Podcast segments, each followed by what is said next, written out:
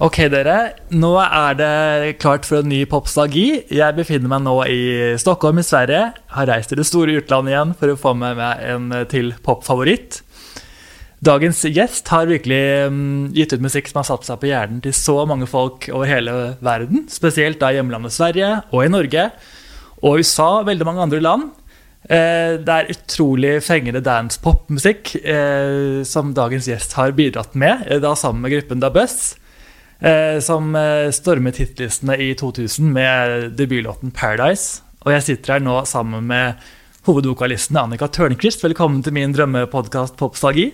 Tusen tack Erik, jättekul att vara här, verkligen. Vad bra, det känns så spännande att träffa dig efter att ha haft liksom den era musik i hodet så länge och bara liksom få ett, eh, en person till hela musiken. Det känns Mm. väldigt spännande. Ja, kul att du har lyssnat. ja, vad bra.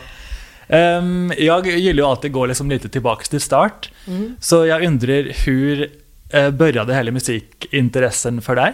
Mm. Ja, men det började med modersmjölken, höll jag på att säga. Ja, det var så tidigt. Ja, mina föräldrar båda är ju musiker, eller mamma professionell musiker och pappa eh, sångare, fast mer på hobbybasis då. Ja, okej. Så att jag är uppvuxen med musik. Det har varit så självklart från när jag föddes. Ja. Det var trestämmig sång från början. Varenda kväll jag gick och la mig Åh, så ropade jag, nu ligger jag i sängen, ropade jag och så kom mamma och pappa upp och så sjöng vi trestämmig sång. Wow! Det låter som så här, Vilken åh, kliché." vilken kliché. Men det var verkligen så. Och det Ja. var en jättebra liksom, skola sådär, att komma in i sången naturligtvis. Så att, eh, det har liksom alltid varit självklart att jag ska sjunga. Men vad skönt att vara så tydlig på vad man vill och vad man ska Ja, göra. verkligen. Eh, så du, eh, men har du, pluggade du musik eller hur gick det vidare då? Nej, jag tänkte just på det när du sa att det var så självklart att jag skulle... Jag gick ändå en liten annan väg när det gällde gymnasiet och sådär. Då gick jag inte musik. Nej. Då skulle jag min- min sann göra något helt annat. Då gick jag ekonomisk linje på Ja, gymnasiet, vilket bara är förnuftigt. så långt från mig som det går att komma. Eh, ja, för då skulle jag, min brorsa, han gick ju musikgymnasium och då skulle jag minsann inte gå Aha. musik. Så där gjorde jag en liten avstickare sådär och gjorde något helt annat. Men eh, ändå kom ju musiken liksom. Den pockade på ändå. Ja. Har du Eh. använt något av ek- ekonomin i din musik? Ja, jag var inte i musiken riktigt. Eh, Men jag jobbade på kontoret ett tag eh, som någon sekreterare och höll på och skrev med skrivmaskin och sådär, eller Ja. dator. Några år innan jag kunde liksom börja bli sångerska på heltid. Då. Så Ja. då hade jag ett sånt deltidsjobb. Och det var ju tack vare Ja, att jag det, hade gått. det kan Ja. jag tänka mig. Men då, hur hittade du fram till dina gruppmedlemmar, alltså Per, per Lidén och Pierre Smith? Ja, Schmid. Schmid. Ja, men vi kommer ju från Karlstad, eh, alla tre. Ja. Och, eh, håller, håller man på med musik i en ganska liten stad, Karlstad är ju medelstor sådär, Mm. då blir det ju att man, man träffas i olika sammanhang och sådär och, i stan. Liksom. Eh, så att vi lärde känna varandra eh, genom att vi spelade på någon, någon nattklubb där, ett band som vi satte ihop liksom, och då var Pierre med. Det var han som satte ihop de här banden. Och Per var med också där och sjöng och spelade gitarr. Ja. Sen hade han en studio i Karlstad som jag var och eh, jobbade lite, gjorde lite så här reklamjinglar och sånt där. Så jag var där och Oj. sjöng på massa reklam. reklam. Kommer du ihåg några av dem? Ja, ska vi se.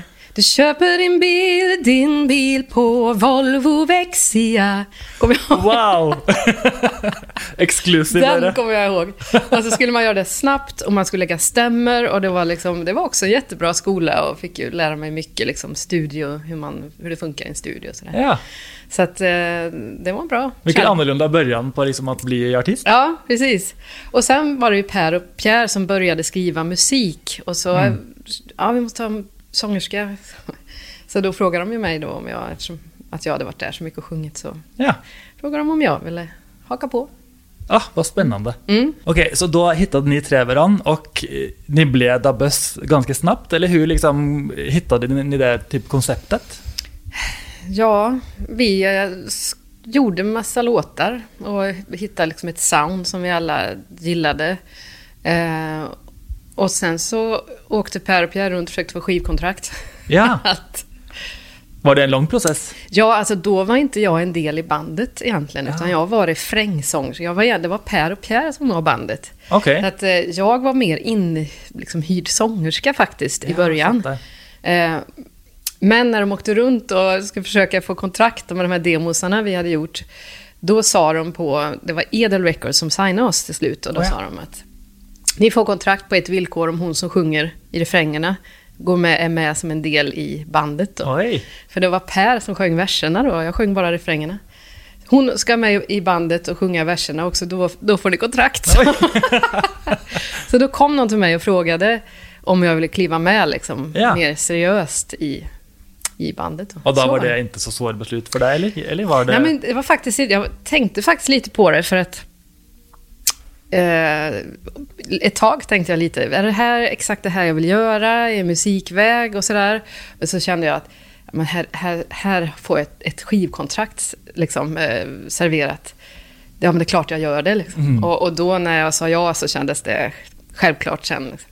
Men det, ibland är det bra att fundera lite och sådär. Ja, ja. Men jag ångrar inte att jag sa, Nej, vad sa bra. ja till det. Ja, det är sjukt att tänka på att ni började på ett sätt så tillfälligt, och så har ni hållit på så länge, att ni Ja. fortfarande är aktiva, att liksom har blivit Ja. en så lång karriär, det är ganska Ja. imponerande. Ja, men det är häftigt. Mm. Men eh, okej, och namn och Dabbes, hade de hittat på det, eller var du med och skapade det? Ja, det var... Vi spånade fram det, helt Ja, enkelt. okej. Vi hade liksom en massa olika ord så här på, och så tyckte vi det lät coolt. Jag gillar också att ni det som typ, eh, alltså de orden, typ the sound på albumet, att det liksom Mm, just det. kan bruka gå igenom hela Ja, karriären precis. på ett sätt. Ja, det betyder ju surr eller rykte, eller tyckte vi att det var det ultimata ryktet, eller ultimata surret. Ja, det tyckte ja. vi. Man vill ju ha mycket buzz runt sig när man ska bli artist också. Ja, man vill ju det, va? Så Ja, det, det fick ni ju. ja.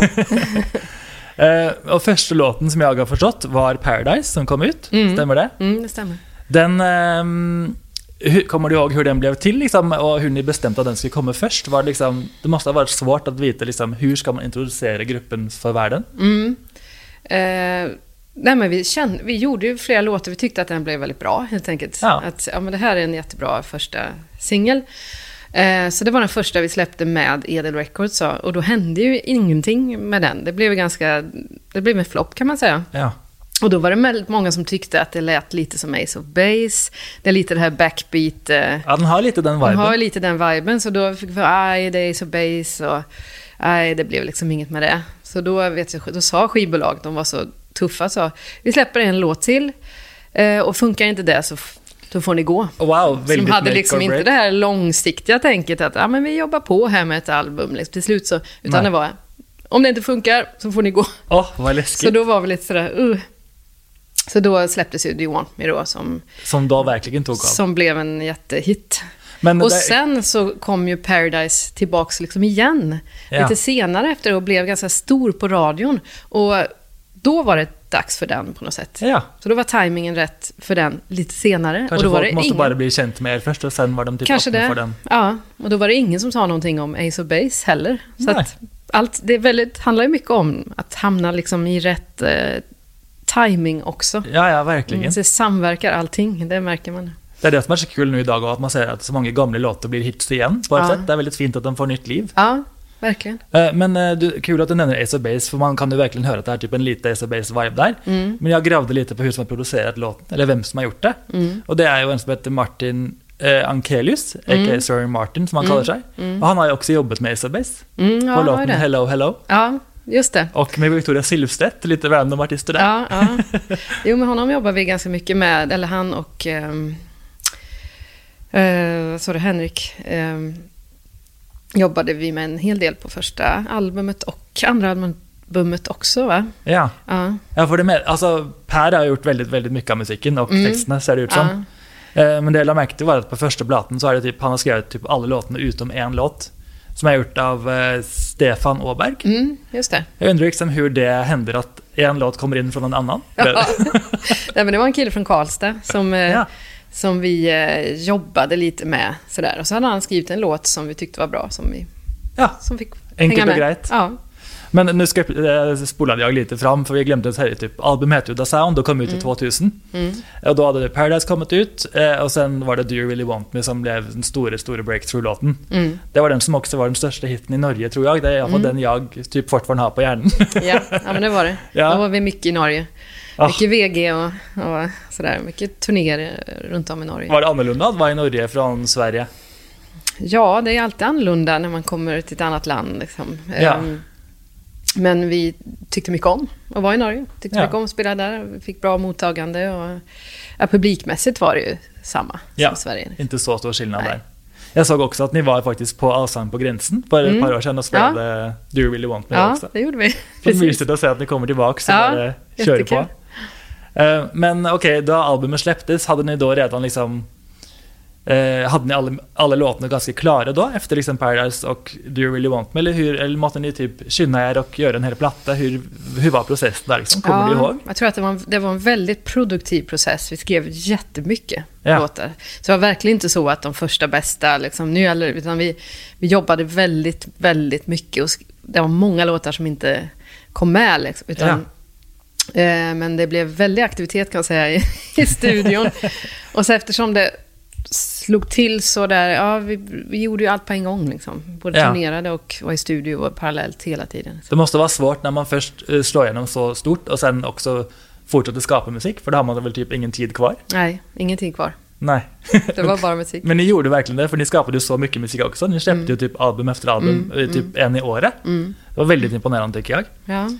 Ehm, eh, en sak jag också upptäckte, bara för att jag är väldigt stor fan av 18s, Mm. var att ni också jobbade med Håkon Fredriksson, Mm. som har skrivit 18s in A Perfect Match. Visste du det? Nej, det visste jag inte. Fun fact. Ja, tack för att du uh, upplyser mig om det Det är här. bara hyggligt. Ja. Ehm, men ja, Do You Really Want Me är en väldigt, väldigt feelgood låt som, jag, som man inte får nog av. Den är också en väldigt rolig musikvideo. Man får en väldigt sån bra vibe av den. Mm. Var det en kul inspelning? Jag kommer ihåg att jag var ganska osäker då och ganska blyg och hade lite svårt att ta liksom, plats. Sådär. Så jag kommer ihåg att jag kände mig rätt så nervös och fick jobba väldigt mycket med mig själv för att eh, våga ta plats. Ja. För att jag hade sjungit hela livet och sådär, så sången är så väldigt självklar alltid för mig. Mm. Men inte det här att, att, att vara i, i så mycket i fokus. Nej. Det var inte riktigt... Eh, jag var inte beredd på det riktigt. Ja, det är kanske därför du har på glasögon, att det känns eh, lite Ja, mer... kan man, eller också var det så att makeup-artist misslyckades med sminkningen. Jag tror faktiskt att det var så. Oj. Hon fick inte till det. Nej. Hon höll på och höll på höll på. Nej, det blir inget bra. hon, bara, hon bara jobbade och det, hon blev aldrig nöjd. Så var det någon som slängde fram ett par solglasögon. Så, bara, så satte jag på mig dem. Ja, men det där blir bra. Vilken då, tur. Ja, vilken tur. Men det är också väldigt i tiden, alltså de glasögonen har väldigt den färgen, typ påminner lite om eh, Anastasia och liksom den, den mm. looken är väldigt... Ja, eh, det blev ju också väldigt stort. I Karlstad så skaffade alla sådana där glasögon. Ja. Det blev en trendsetter verkligen. wow, tydlig Eh, influencer. Aha. Så eh, ja, det, de, det blev ju något med de där glasögonen. Ja. Kommer du ihåg när du eh, först hörde Do You Really Want Me typ på radion, eller när du kände liksom att nu har den verkligen slagit? Mm. Ja, men jag hörde den precis överallt. Jag kan inte komma på något specifikt ögonblick sådär, men den var ju... Jag var nästan så jag skämdes för hur mycket den spelades. Ja. Nästan så att jag kände att... Uh, alltså jag hörde den från lägenheter, fester, från bilar, från radio precis hela tiden. Alltså över, överallt. Eh, så det var ju verkligen en helt chockartat. Har du någonsin sagt typ dem till någon i rummet som By the way, det här är mig? Ja, jo. Mina föräldrar har gjort det väldigt mycket. Det här är min dotter. Eh, Men det har ju varit att man har varit Det var ju den tiden man var ute mycket själv också. Ja. Och då var det ju mycket sådär, man var ute och så kom den alltid de där låtarna på. Och då, då var det ju väldigt fokus. Liksom. Då ville folk att jag skulle stå och mima till den här låten på dansgolvet. Och, kanske lite awkward, jag vet inte. Ja, det var lite awkward. Då kände jag bara, "Ugh, jag vill bara gå ut och dansa. Det är väl bra övning på att bli den musikvideostjärnan igen. precis. Typ samma sätt. Ja, det är sant. Ehm, men jag ser att också på den plattan här så är det en låt som heter Let Me Love You som nådde typ amerikanska Billboard Club-listen. Just det. Eh, var det något ni jobbade för mycket eller var det liksom lite randomly att, att den remixen kom in? En remix av Hex Hector? Ja, det var Edel Records som hade en kontakt alltså, med Hex Hector som var väldigt het just då. Han hade gjort eh, I Turn To You, Mel C's. Eh, Åh, och vilken han som proddade den. Ja.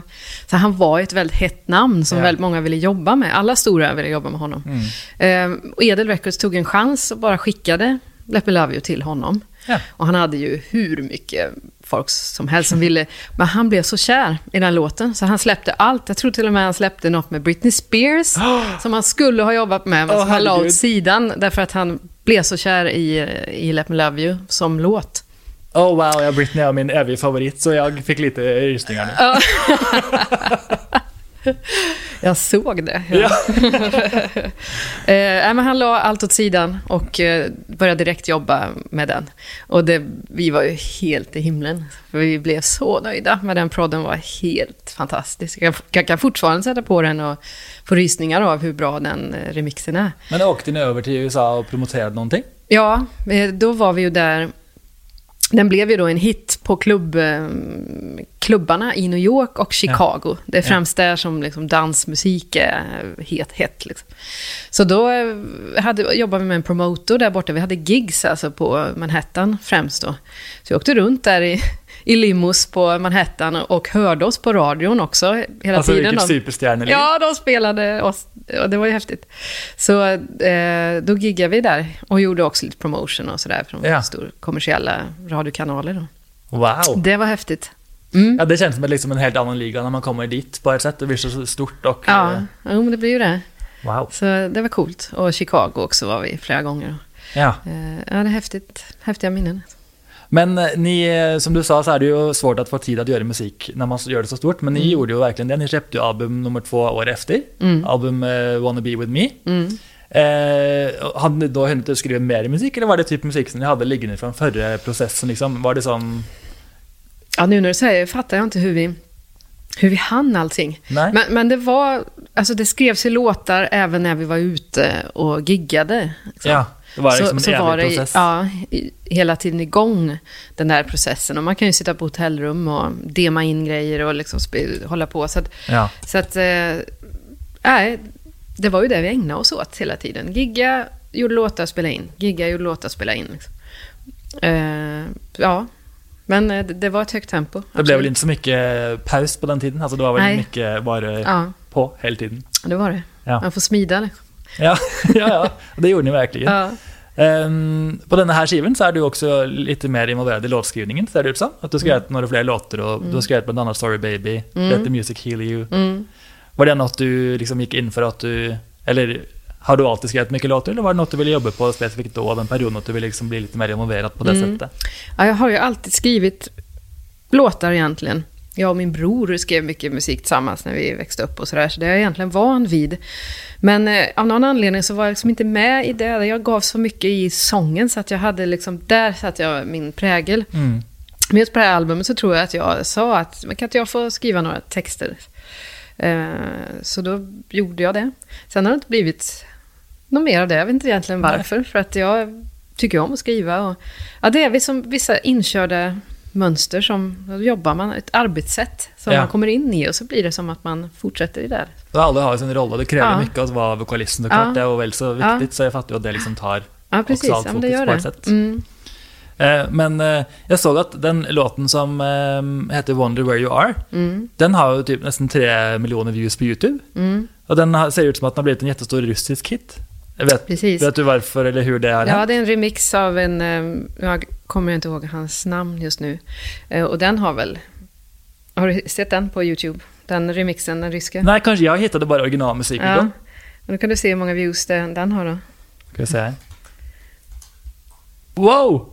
44 miljoner. Ja, Ja, okej, och jag sitter och skryter av 3 miljoner. Detta var ju lite större. Wow! ja. Så den har ju, den har ju fått jättegenomslag, just den, den remixen. Okej, så det var lite därför, det var därför också låten då, original. Nej, men låten i original har ju också nått utanför Sverige redan när den släpptes. Ja. Den hade spelats mycket i Grekland och så. Ja. Så, så den hade nog ganska stor spridning även innan den här remixen. Remixen gjordes ju ganska lång, många år efter Ja. den hade släppts. Så att eh, det är en rätt så relativt ny, vad står det, två, Remixen Är det tre år sedan ut i... Ja, den har lagt upp 2018 på YouTube. 18, ja precis, Sjukt. fyra år sedan. Så att det är ju, den släpptes ju långt efter. Ja, så det var alltså Anton i Shootin Remix för ni som vill lyssna på den. Mm. Ehm, den har också lite sån, ehm, kan man säga, typ Enrique Iglesias-vibe, sån där Mm. lite latin summer-vibe. Mm. Men väldigt uh, fint att lyssna på. Kanske därför den har funkat bra i Grekland. Ja, det var det jag också tänkte. Mm. Lite summer-vibes. Mm. Ehm, så jag har också hittat en annan connection till några andra av mina favoriter. För på låten eh, Keep On Loving You Mm. så har ju Niklas eh, Molinder och Pelle Ank Ankarberg, Mm. försöker uttala rätt, Mm. eh, de har varit med och skrivit. Och de har också skrivit för bland annat Carola, Charlotte Perrelli, eh, Samantha Mumba, kommer du ihåg henne? Mm. Mm. En stor favorit hos mig. Mm. Eh, och Agnes, min tidigare gäst. Mm. Eh, men också Ashley Tisdale, vet du vem hon är? Nej. Hon var med i High School Musical. Aha, wow. De köpte typ två stora plattor i USA. Så jag, alltså, han har skrivit typ alla hennes största låtar, så jag bara blev väldigt uh, överraskad över det. Men Mm. kul att se hur allt hänger ihop liksom. Mm. Kommer du ihåg hur ni kom i kontakt med Niklas Molinder och Pelle? Ja, Niklas Molinder, Pelle och Joakim eh, Persson var Ja. det som vi jobbade, jobbade med. De har vi jobbat mycket med. Så Ja. de har varit med och producerat många av, av, eh, flera av låtar på olika album. Eh, Ja, men de bodde inte jättelångt ifrån Karlstad. De, bodde, bodde, de fanns i Örebro då, som ligger 12 mil från Karlstad, så det var ganska nära. Så vi kände väl till dem. Jag kommer inte ihåg hur det kom sig att vi började jobba med dem, men eh, vi visste att de var bra, de var bra på dansmusik. Vi tog säkert kontakt med dem. Ja, Och de var intresserade av att producera. Så att, eh, där har jag varit mycket och jobbat med dem. ja. De, de är jätte, jättebra, jätteduktiga. ja det, jag älskar att upptäcka sådana saker när allt liksom är all connected. Mm. Eh, men ni kör ju på fortfarande, släpper ännu ett album 2003. Mm. Förlåt, vad sa du? Ja, jag, jag prövar så gott jag kan att svorska, men det är inte alltid så lätt.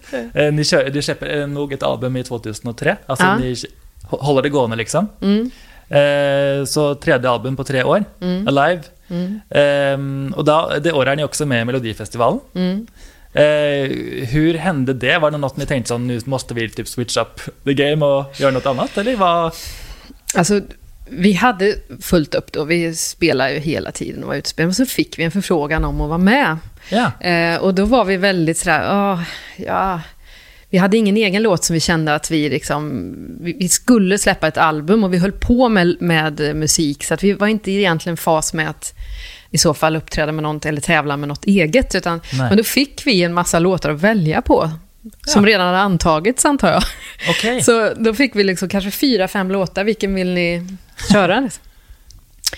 Och då tyckte vi ändå, äh, men vi, vi slänger väl in en melodifestival också mitt i allt. varför inte? Så då gjorde vi det och då, då valde vi den, den låten. Och, ehm, Stop, look, Stop, look, listen. Ja, eh, och det var ju jättekul att vara med där. Eh, sen vann vi ju inte, eller vi kom inte vidare till final heller, men det blev ändå en väldigt bra plattform för oss och sen släppa live som blev så stor då efter det. Ja, för det var verkligen då det tog helt av på ett sätt. Mm, mm. Eh, Jag måste också ge er typ creds för den eh, väldigt stiliga typ scarf-looken alla har. väldigt sån skinny scarfs. Ah, det är helt bedrövligt nu när man tittar. Jag tyckte det var så snyggt då. Liksom. Ja, ja. Och nu, men vad hade de på sig? Det var i alla fall väldigt genomfört. Alla matchade på ett sätt. Ja, det var det ju. Ja, det var vackert. Det ska ni ha.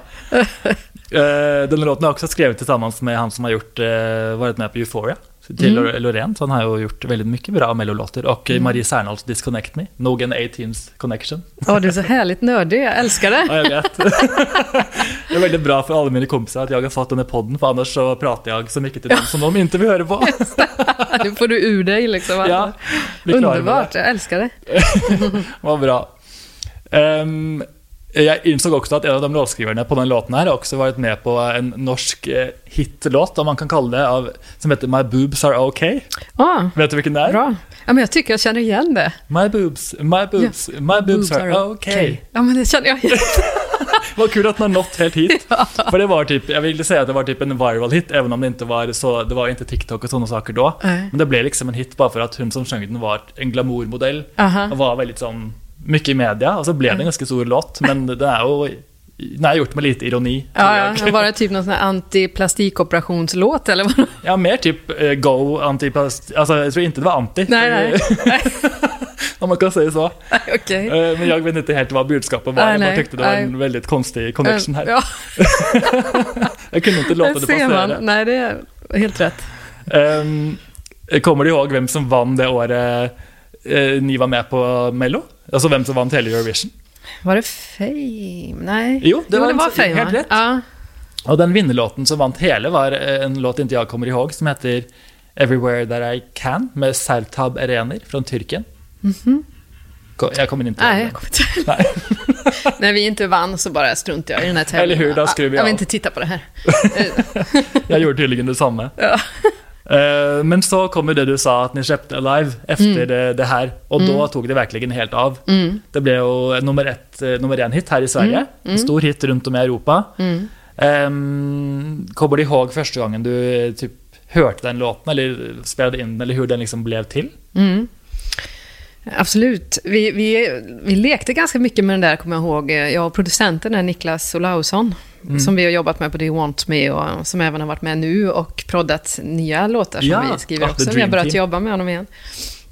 Eh, vi lekte ganska mycket i studion där eh, och höll på och han satte på konstiga effekter, kommer jag ihåg, så att jag skulle... Den här första slingan där. This is the feeling of my life, I wanna be with you now. I wanna have you with me, always forever and you, you are the one for me now. Den grejen. Den, den satte han på liksom en, en konstig effekt, så att jag hörde mig själv otroligt konstigt i lurarna. Så att, så att det blev liksom som en så här... Jag vet inte hur jag ska förklara det, men ja, man sjunger då på ett speciellt sätt när man hör sig på ett speciellt sätt. Ja, man är ändrar som- kanske hur man Ja, man låter ändrar hur man låter. Ja, precis. Kommer ihåg att vi lekte med de där grejerna för att hitta liksom en rolig, catchy grej. Så den, den, just den första inledande frasen är ju en sån grej där vi har lekt fram. Liksom. Eh, jag tyckte att det var en bra låt direkt som Per spelade upp den. Att det kändes liksom, det här, den, den, ett sånt jävla power liksom i refrängen där. Ja, det refränget är helt oemotståelig. Ja, och sen höjningen och liksom sticket som går ner och sen går det liksom upp. Och den låten, det är någonting med den när vi är ute och spelar live, alltså för att folk blir helt tokiga när den låten. Det slår aldrig fel. Ja, men det, Det, slår jag. aldrig fel. Så, så fort vi kör den så är det som folk bara ah! Det är liksom, det är som ett väckelsemöte. Ja, vad kul. Det är jättekul. Är det den roligaste låten att spela live, tycker du? Är det den som tar liksom mest av? Ja, men den är, ja, det är den som alltid blir eh, otrolig publikkänsla på den. Ja. Alltid. Det slår aldrig fel. Men märkte ni någon stor skillnad när den här låten kom ut och blev så stor på liksom hur ni blev sett på här i Stockholm och i Sver- i Sverige? Alltså blev ni då liksom mer igenkänd på gatan och sånt, eller blev ni Mm. redan det mycket? Ja, ja, men det blev vi. Ja. Jag flyttade till Stockholm precis det året. Jag bo, eh, flyttade från Karlstad till Stockholm 2003. Ja. Så det var precis då som den verkligen blev en hit. Och då blev jag ju igenkänd här. Och Mm. folk sjöng, kommer jag ihåg, när de såg mig. Do you really wanna... Ehm, ja, absolut. ja. Var det konstigt eller var det bara en kul del av Ja, upplevelsen? både och. Det, Ja. det kan både kännas lite konstigt och väldigt häftigt och kul också. Det Ja, för, att, för att de gillar musiken Ja. som oftast, så det var fint Ja, de var också. alltid positiva och glada. Liksom. Det var ju ingen, Ja. som kom, ingen som är arg. Liksom. Ja, det är bra i alla fall. Ja. Det kan ju hända det också. Ja, det kan ju det. Eh, Jag eh, ser också att andra låten här blev också en stor hit. Den kom upp på nummer två på listan. Mm. Tonight eh, is the night. Så här var den verkligen on a roll. Alltså det, var, det måste ha varit så kul att känna hur album blev taget på, Mm. på det sättet. Alltså liksom, alltså det var ju bra de första två plattorna också, men bara här verkar det som att ni äntligen hittade liksom helt eran plats. Ja, ja Jag men... undrar liksom vad... Ja, det måste bara vara att, som, att låtarna var så extremt bra då, eller tror ni att eh, ni gjorde någonting annorlunda, liksom hur ni promoterade eller hur ni Mm. nådde ut med musiken? Eh, jättesvårt att veta. Ja. Svårt att säga. Men eh, jag tycker att det är bra poplåtar. Verkligen. Nummer ett, bra poplåtar. Eh, per är en jättebra låtskrivare. Mm. Jag tycker han har fått alldeles för lite cred faktiskt för sitt låtskriveri. Eh, Det är riktigt bra poplåtar och det är ju det viktigaste. Ja, för alltså typ nästan alla de största låtarna deras är ju skrivet av Per. per han har gjort liksom så mycket Mm. Ja. på egen hand. Ja, Som är ganska unikt i popvärlden, för då Mm. brukar du, i alla fall nu är det typ 10 låtskrivare på varenda låt, 10 Mm. producenter, alltså det är Just så det. mycket teamwork. Som är helt, okej, Mm. men ja. mm. Så det, är ganska, det händer inte så mycket nu längre. Så Nej. han förtjänar verkligen mycket cred. Han skulle ju Mm. varit här idag också, det hade varit kul. ja verkligen. Men Mm. eh, ja, det är otroligt imponerande. Ja, så att eh, det, det är nummer ett. Liksom. Eh, Sen är det svårt att säga. Eh, Det är upplyftande, det är liksom eh, låtar som är ganska okomplicerade och Mm. eh, mycket energi och ja, det är en, ja, de har något. Ja. Ehm, ni släpper ju ett album till, 2004. Mm. Eh, Dangerous, the album. Mm. Eh, det blev ändå en hit. Nådde topp fem i Sverige. Mm. Ehm, var det någonting eh, ni gjorde typ annorlunda med detta albumet? Eller var det liksom, körde ni på som ni hade gjort innan? Nej, jag tror att vi hade någon liten känsla av att vi ville det skulle vara lite rockigare sådär. Att Lite Jaha. mer gitarr fick vi för oss att vi... Dangerous är ju lite mer gitarrbaserad. Ja. Eh, introt där i början med Esbjörn Örvall, Örvall som är som jättebra gitarrist som vi har jobbat mycket med. Oh, ja.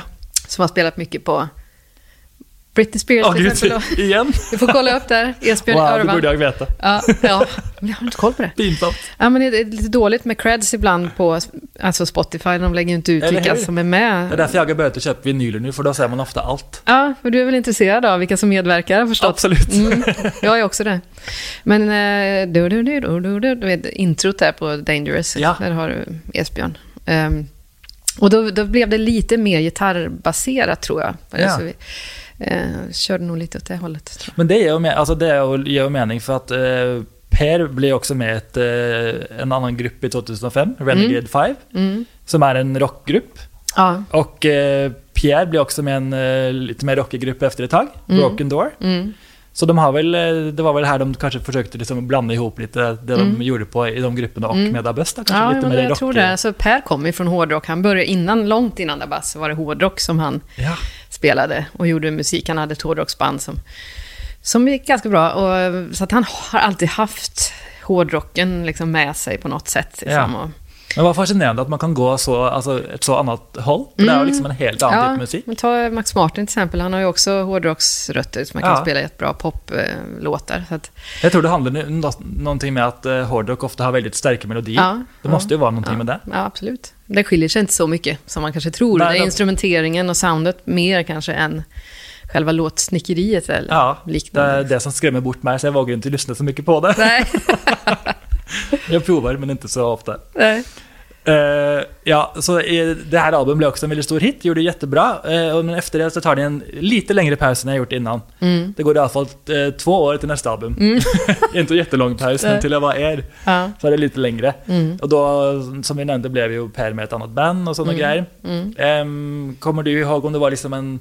Kände ni kanske behov för lite mer paus, lite tid till att liksom Mm. koppla av, eller vad hände Mm. då?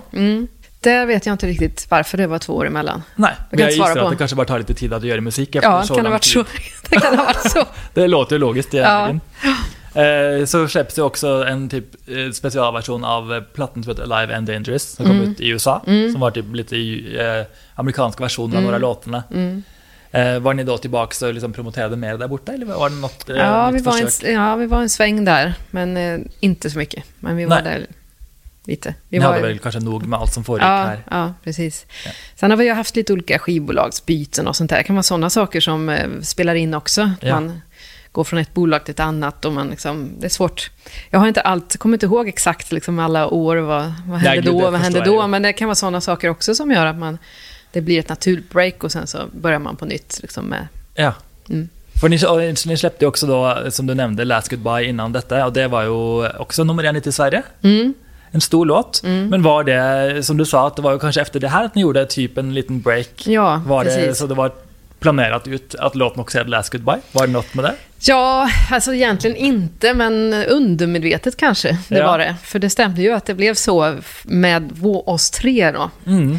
Så stämde ju det. Så det kanske bara var något som, ja, jag vet inte. För det var sista skivan och låten Pierre var med Ja, på? Mm. ja precis. Och Var sen det- gick han över till sin, sitt projekt och, och gick in helhjärtat för det. Liksom. ja. Och Så det blev ändå ett naturligt avslut faktiskt på våra samarbete kan man ja. säga. Så det är Mm. ingen dålig, vad ska man säga, Nej, det blev inget dåligt så. Utan Nej. det, liksom, det, var, det var klart där. Ja, men det är fint att höra. Ja. Eh, så släpper ni en Greatest Hits 2007 med några nya låtar. Mm. Eh, när du tänker tillbaka på den, klarar du liksom att lyfta fram typ några favoriter från den tiden? Det är svårt att välja säkert, men alltså jag har Jag måste titta. Du kan titta på hela, gå på hela Greatest Hits här. Ja. Eh, Men jag har nog alltid tyckt mycket om Wanna Be With Me. Eh, Det är en sån favoritlåt för mig. Ja. Eh, Jag, vet inte, jag tycker att den är, den är otroligt skön prod på den, tycker jag. Ja. Eh, så den, och Without Breaking gillar jag också mycket. Jag tycker det är en otroligt, det är en bra låt och sen är det en cool prod på den som jag alltid har gillat. Ja. Och det är ju Jonas van den Burg som har producerat den, som jobbar med September bland annat. Ja, ja, ja, September har så många bra låtar. Ja, verkligen. Jag älskar henne. Eh, så att det är en, sån, en favorit för mig också. Ja. Mm. ja, men kul. Då måste vi gå och lyssna lite extra på dem. Ja, det gör det. Eh, Men eh, då var det typ ett nytt kapitel för Dabbes, där kan man säga, när ni blev två. Mm. Ni tog lite paus. Ni släpper faktiskt inte ett album eh, helt fram till i fjol, 2021. Mm. Men ni släpper några låtar, eh, You Gotta Dance. Mm. Ehm, och i 2011 får ni en eh, offentlig transport, alltså en buss som blir uppkallad efter- er, Dabbes. Ja. Höjdepunkt i karriären. Ja, precis. Ja, det har vi strävat mot hela tiden. Vi måste få en buss uppkallad efter oss. Äntligen, där till Walk of Ja, Fame. ja, det kunde vi ju lagt ner då efter det egentligen. Ja, ja, ja, absolut. Men eh, vi kanske kan få en buss till uppkallad efter i något annat, en annan stad. Eh, ja, nej, men vi fick ju, alltså det blev ett naturligt break med, jag fick barn och sådär. Ja. Och då eh, blir det ju naturligt att man behöver ägna sig åt dem Såklart. ett tag. Men, så, men ni blev typ eh, eniga om att ni skulle typ fortsätta när ni kände för det? Eller? ja. ja. eller det var... Vi har ju alltid haft kontakt och sen så kände vi att ja, men det blir som ett gift, skulle man kunna säga. Att det är så fruktansvärt roligt att släppa musik, det är så fruktansvärt roligt att åka ut och spela och det var så många som frågade efter oss. Och, och det... Man bara älskar ju det. Man älskar att vara ute och spela, man älskar att göra låtar och musik och släppa. Det är ju så otroligt kul. ja. Så att eh, det var väl så det var. Att vi kunde inte... Var inspirerade och ville fortsätta. ja. Mm. Men jag läste eh, någonstans att du spelade in en sololåt i 2012. Det var bara typ en någon fansite jag hittade. Reinvent myself. Har det, Ja. Stämmer det? Eh, ja, den, var inte, den skulle nog inte släppas med mig, utan jag, spelade, jag gjorde den tillsammans med några andra låtskrivare. Ja. Men den kanske har kommit ut på något sätt. Alltså jag hittade inte låten, jag hittade Nej. bara någon som skrev typ att du hade gjort det. Ja, just det. Jag blev bara lite nyfiken på vad det var, vad var projektet liksom. Ja, men jag skrev lite låtar ihop med några, och så den var en av, en av dem. Ja, okej. Ja. Eh, sen i 2016 når ni igen amerikanska Billboard klubblisten. Mm, Eh, Something about you. mm. Eh, alltså så sjukt att känna på liksom, det var det typ 15 år sedan förra gången, typ, och så är det tillbaks igen. Det är ganska Mm. Mm. kul att se hur mycket liv musiken deras har, och hur Mm. långt liv det har. Mm, verkligen. Var det något som hände lite typ organiskt, eller hade ni, kommer ni ihåg varför det hände liksom? Hur det hände? Nej, men det måste varit... eh, För det är ju sån här klubblista. Det var DJs helt enkelt som plockade upp den. Ja, Så att eh, den började spelas på dansgolvet på något sätt. Liksom. Den letade sig fram. Um, det var så. Det var DJs som ja. spelade den. Men eh, alla The Buzz-fans blev väldigt glada när de också släppte ny musik förra året. Mm. Jag undrar liksom, ha- hade ni haft en tanke om att göra det länge, eller var det sånt som många andra kände, att ni blev typ lite Måste bara hitta på någonting under corona så vi spelar in ny musik. som jag gjorde också med min podcast. Alltså var det så? eh, nej, men jag tror att det där med album har legat där. Alltså det känns mycket mera... Alltså vi har ju släppt mycket låtar som sagt. Sådär. Mm. Men, men jag tror att både, både Per och jag kände att vi ville göra någonting mera liksom, rejält på något sätt. Det, kändes, det känns rejälare att släppa ett helt album. Och då kan man tänka mera helhetsmässigt och sådär. Det, det är en annan grej. Man, man får en, ett annat genomslag, man får en annan eh, tyngd på något sätt med ett Det måste vara album. kul att också kunna planera ut liksom tracklisten, eh, estetiken och allt det där. Det känns ju lite större när man släpper ett album. Mm, ja, verkligen. Det, var väldigt kul, tycker jag. Och nu är man lite mer närvarande kanske också i olika saker som händer mot vad man var då, när, när, det, när det var så mycket som pågick hela tiden och vi turnerade så otroligt mycket. Nu kan man vara mera liksom närvarande och det är ganska skönt. Liksom. Och vi är mer, mycket, mycket mer avslappnade i oss själva också. Ja, det förstår jag. Mm. Men eh, jag har sett att ni också spelar in mer musik, och det kommer kanske mer i år. Är det planer om det? Ja, absolut. Och vad bra, Ja. vilken dröm för alla Best-fans. Det bara Ja. kommer mer och mer. Ja, kommer bara mer och mer. Och är det någon turné eller någon typ konsert? eh, Mm, men vi har redan eh, en del inbokat. Vi kommer göra någon uppdatering snart på vår Facebook och Ah, sådär. vad bra. Kommande spelningar. Så det börjar trilla in med efter restriktionerna släpptes. Det blir som en catch-up-effekt. Liksom. Ja. Bara för att få noteringar varenda dag. Nu är gig där på gång, gig där på gång. Så eh, främst i Sverige då. Men Ja. någon, någon i Norge också tror jag. Ja, vi till ska försöka jobba där. Ja, du kommer Ja. kanske till Oslo? Ja, jag tror jag ska till Ja, Oslo här framöver här. Då Mm. hoppas jag vi ses där. Ja, precis. Ja, det borde komma. Eh, Men eh, nu har vi egentligen gått alltså, ganska snabbt genom hela karriären. Mm. När du ser tillbaka, så är det någonting du liksom tycker att du vill lyfta fram som jag kanske har missat? Någon typ händelse eller någonting specifikt som du var väldigt stolt av? Eller något, för det är så mycket att ta av. Det skulle vara när Max Martin ringde då, till mig. Åh, perfekt! jag älskar när det här kommer typ utan att jag frågar om det. Ja. Perfekt svar. Okej, och vad sa Det, han? men det var när jag bodde i Karlstad, vi hade släppt You Want Me. Och så ringer min telefon och så, ja hej det här är Martin Sandgren heter han va? Sand, Ja, det är det kanske. Gud, Sandgren eller. Sandberg, jag brukar alltid, aldrig, Sandgren. Ja, det jag litar på det. Hej det här, tänk om man säger fel. Ja, förlåt i så fall. Jaha, hej, sa jag. Ja, även kallad Max Martin, sa han. Jaha, ja men det, det vet jag liksom. Ja, ja då, då sa han, jag måste säga att Do You Want Me är en sån fruktansvärt bra låt, sa han. Det är så bra, folk förstår inte hur bra den här låten är. Och han höjde upp min sång och så, han tyckte jag sjöng så bra. Och, Ja, det är väl du som sjunger, det är väl liksom inte dator eller Nej, det är Nej. inte, så. Ja. Okej, för då ville han att jag skulle komma och köra på en Britney Spears-låt. Åh, herregud. Ja, Hände det? det hände. Vilken låt? Ja, det var en låt som heter Bombastic Love. Om jag vet vilken låt det du är. vet vilken det är? Jag ser det som dina näsborrar vidgas. du ska se Erik här nu. Herregud, ja. Sjukt. Ja, så då, och då bodde jag i Karlstad och jag fick sån fin treatment. de flög mig då till Stockholm, jag fick bo på Sheraton och det var så här jättefin treatment. Wow. Och sen så åkte jag till eh, Cheiron-studion då. Och eh, eh, Martin hade verkligen spelat in varenda stämma. Jag skulle dubba Britney Aha, okej. och, på refrängerna. Så du sjöng typ samma tonart och samma... ja, jag sjöng exakt som Jag skulle sjunga exakt som hon. Oj! Och, och hennes röst var ju, det var ju liksom för ett lapp, de hade klippt liksom, och de visade de hade klippt, och jag skulle sjunga exakt. Jag tror jag fick sjunga refrängen och uttala allting. Jag skulle alltså liksom st- staga upp hennes sång helt enkelt. Ja. Så jag, jag tror jag sjöng refrängen säkert en hundra gånger eller någonting. Så du kan låten ganska väl? Ja, och jag tänkte, men nu är det väl ändå bra här. Ja, en gång till. I know it's gonna be bombastic, love so fantastic When I'm completely yours and you are mine. Na-na-na-na-na-du-du. Så, Det där ja. är fint tack att du sjunger. Och så stämmer och sådär. hade ju Martin spelat in redan på en liten minibandare exakt vad jag skulle sjunga. Ja. Så jag sjöng, sjöng det där och sen så skjutsade Martin mig till hotellet. Han var väldigt mån om vad jag tyckte. Vad tycker du om låten? Han ville veta vad jag tyckte och jag var Ja. sådär blyg och jo, den är väl bra. Så när, vi, när han skjutsade mig till hotellet igen så eh, spelade han en låt på eh, stereon, bilstereon. Okej. Och det var den här I'm not a girl, not yet a woman. Men det var en man som sjöng låten. Var det Maxell? Det var Max själv, ja. Ja, förlåt för att spoila där. Ja, det var det.